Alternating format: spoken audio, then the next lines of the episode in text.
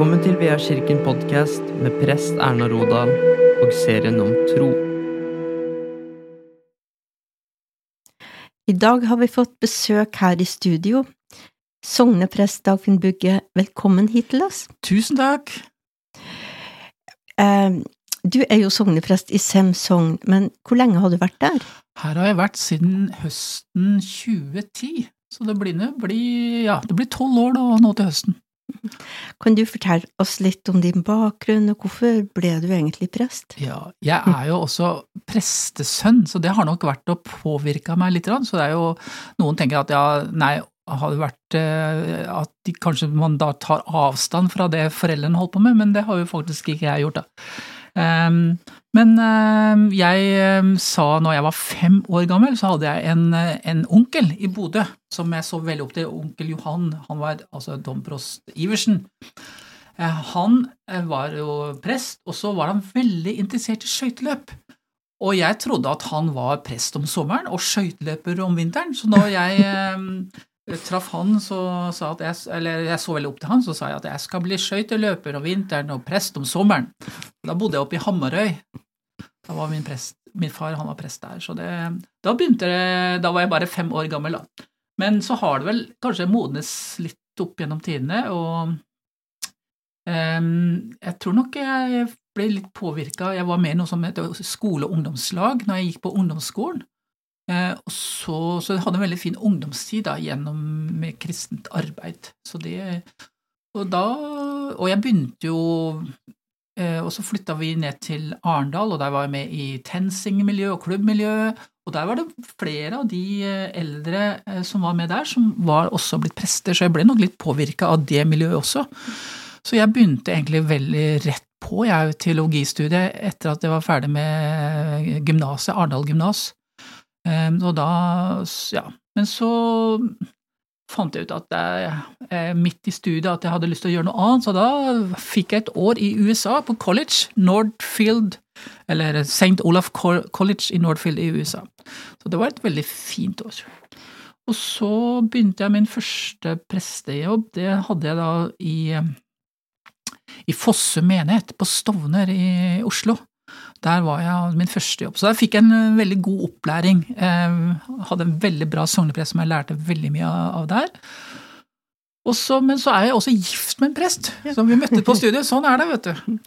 Så, og da var det ikke så lett for oss begge å få seg jobb, så da reiste vi til Harstad. Og der var jeg faktisk eh, Hun fikk da en vanlig prestejobb, og jeg ble da eh, garnisonsprest, eller eh, bataljonsprest i Åsegarden, i brigaden i Nord-Norge. Så det var en veldig fin tid. Så det viktigste oppgaven jeg hadde det var å slentre rundt i leiren og, og veldig oppsøke soldatene og være med de ut på øvelse, og det var en veldig fin tid. Eh, Spennende tid. Men hadde du noe militær bakgrunn før du kom? Eh, ikke, altså jeg var jo vernepliktig, det var jeg også da som feltprest, eh, sånn det var noen år før eh, der. Så, men en veldig fin tid i Harstad, og så ble det jo ledig eh, Altså, vi delte en stilling, min fru og jeg, i Horten. Det ble jo ledig i, som kapellanstilling i Horten, så den delte vi. Og så søkte jeg kateketjobb. Eh, Jeg bare fant ut at det å være prester begge to og ha familie med tre barn, det ble litt voldsomt. Så da hadde jeg en kateketjobb i nesten ti år, faktisk, i, i Borre i Horten også. Eh, og etter det så uh, fant jeg ut nei, nå har jeg lyst til å være prest igjen. Jeg var jo mye prest da også, for jeg hadde jo stadig prestejobber som jeg tok på meg på si, da. Men eh, da Så da var jeg eh, blant annet i eh, i Drammen-distriktet prest der, og så fikk jeg da fast jobb i SEM i 2010. Og og jeg har vært der siden. Du har jo gjort mange spennende ting.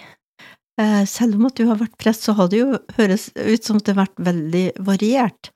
Men er det sånn, altså når du vokste opp med en far som var prest, og eh, Men har du alltid alltid trodd på Gud, eller har du noe sånn her tidspunkt at du kan huske at du på en måte fikk en tro, eller har du hatt det hele livet? Eh, jeg tror nok jeg har hatt en barnetro hele livet. Det har jeg nok fått flaska opp med det jeg har vært med min far i kirken, og kirken eh, altså, Vi var jo veldig mye med da med min far, og vi lekte også på kirke vi hadde jo, Jeg bodde i sånne store prestegårder, og de var jo ofte nær kirken.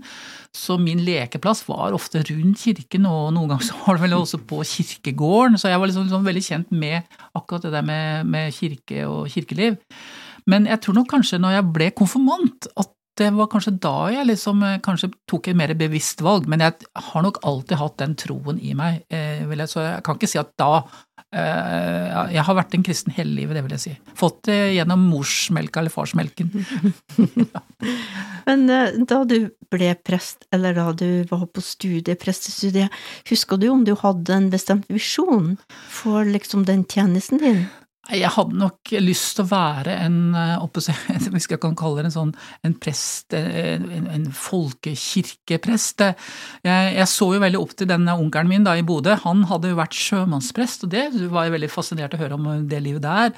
Så jeg syns nok det å være en, en, prest som var eh, sånn mye ute blant folk og sånn, det, det syns jeg hørtes spennende ut. Så man møter jo mennesker i alle faser av livet, eh, altså gjennom dåp, konfirmasjon, bryllup, eh, begravelse. altså Man møter jo mennesker i alle livsfaser, og det syns jeg alltid har vært spennende. Møte mennesker har alltid fascinert meg. Det det.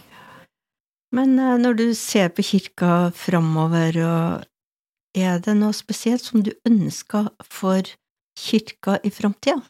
Jeg ønsker jo at kirken skal være et sted som folk har bruk for kirken, at det kan være helt naturlig å komme til kirken, få styrke og tro eh, gjennom de tingene man opplever i hverdagen. Eh, så eh, noe som engasjerer også i det hverdagslige, som man tar med seg i livet, gjennom hele livet, egentlig. Ja.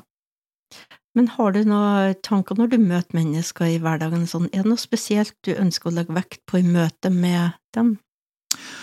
Jeg tenker liksom at uh, for det første så må jeg jo i hvert fall bry meg med disse menneskene. Så tenker jeg også at, uh, at uh, Gud eller Jesus han bryr seg med alle mennesker, og alle mennesker er like verdifulle. Og at slik Jesus møtte mennesker, så slik bør jeg også vi som kirke møte mennesker. Nå er vi jo i en situasjon der vi opplever en krig i Europa. Har du noen tanker rundt det? For det første vil jeg si at man blir jo veldig preget av det. Man ser på nyhetene hele tida, og man blir jo nesten øh, Føler seg så maktesløs.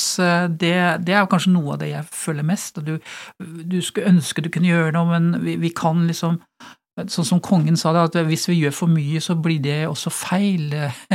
Eh, ikke sant? Man skulle gjerne jeg, gitt ukrainerne full beskyttelse med også i luftrommet. Eh, men så kan man da bli en større krig. Men, men eh, altså, man ser jo det at man på en måte hele verden henger sammen, i hvert fall. Det er en krig man ser at eh, det, det får konsekvenser for oss her i Norge også. Bensinprisene går opp, det er, ikke, det er ikke noe sånn stor eller, Man merker bare på sånne ting også, at ting blir dyrere, og, men, men man, man blir jo engasjert og man ser jo den lidelsen og ser at dette her er europeere, det er mennesker som, som, som ligner på oss, og da, da blir det veldig sterkt. Nå går vi jo inn imot eh, påsketider. Mm. Eh, er det noe spesielt som du har lyst til å si til lytterne når det gjelder påsken? Jeg vil jo si at eh, påsken er jo en på en måte Der går vi gjennom egentlig alt det som kanskje mennesker går gjennom gjennom hele livet. Gjennom påskedagen. Det er et stort drama. Men så er det jo det, det, er jo den største høytiden vi har, og den viktigste. Eh, hadde vi ikke hatt påske, så hadde ikke jeg vært prest, og det hadde heller ikke vært noen kirke. Så det at vi har den, at Jesus har seiret over ondskapen og alle eh, ødeleggende krefter, det er jo egentlig kanskje noe av det, det, fineste og det viktigste som vi har å fare med som, eh, som kirke, da. Så det er der håpet virkelig ligger. Eh, ja. Så påske er en, en, en flott høytid med, hvor vi på en måte kjenner alle livets drama gjennom fornektelse og håpløshet, og også da eh, det som har virkelig skaper tro og håp for mennesker. Ja. Vi har jo ganske mange konfirmanter i Sem sogn. Mm. Er det noe spesielt du har lyst til å si til konfirmantene? Nei, jeg syns det er eh, veldig moro å jobbe sammen med konfirmanter, for de står jo på veien ut i livet, og jeg tenker sjøl når jeg var konfirmant, det var da jeg egentlig tok kanskje mer sånn bevisst da, for å være en kristen. Men eh, jeg håper jo virkelig at, eh, at for dem at kirken kan være et sted som ikke er bare akkurat i konfirmasjonstiden, men et sted de kan føle seg hjemme gjennom resten av livet også. Dagfinn Bugge, takk for at du var her sammen med oss i studio, og takk til deg som har lytta til. Men Dagfinn, kan du lyse velsignelsen til slutt? Det vil jeg gjerne gjøre, og det er noe av det fineste jeg gjør, for da ønsker jeg det aller, aller beste fra Gud til oss mennesker. Herren velsigne deg og bevare deg. Herren la sitt ansikt lyse over deg og være deg nådig. Herren løfte sitt åsyn på deg og gi deg fred. Amen. Amen.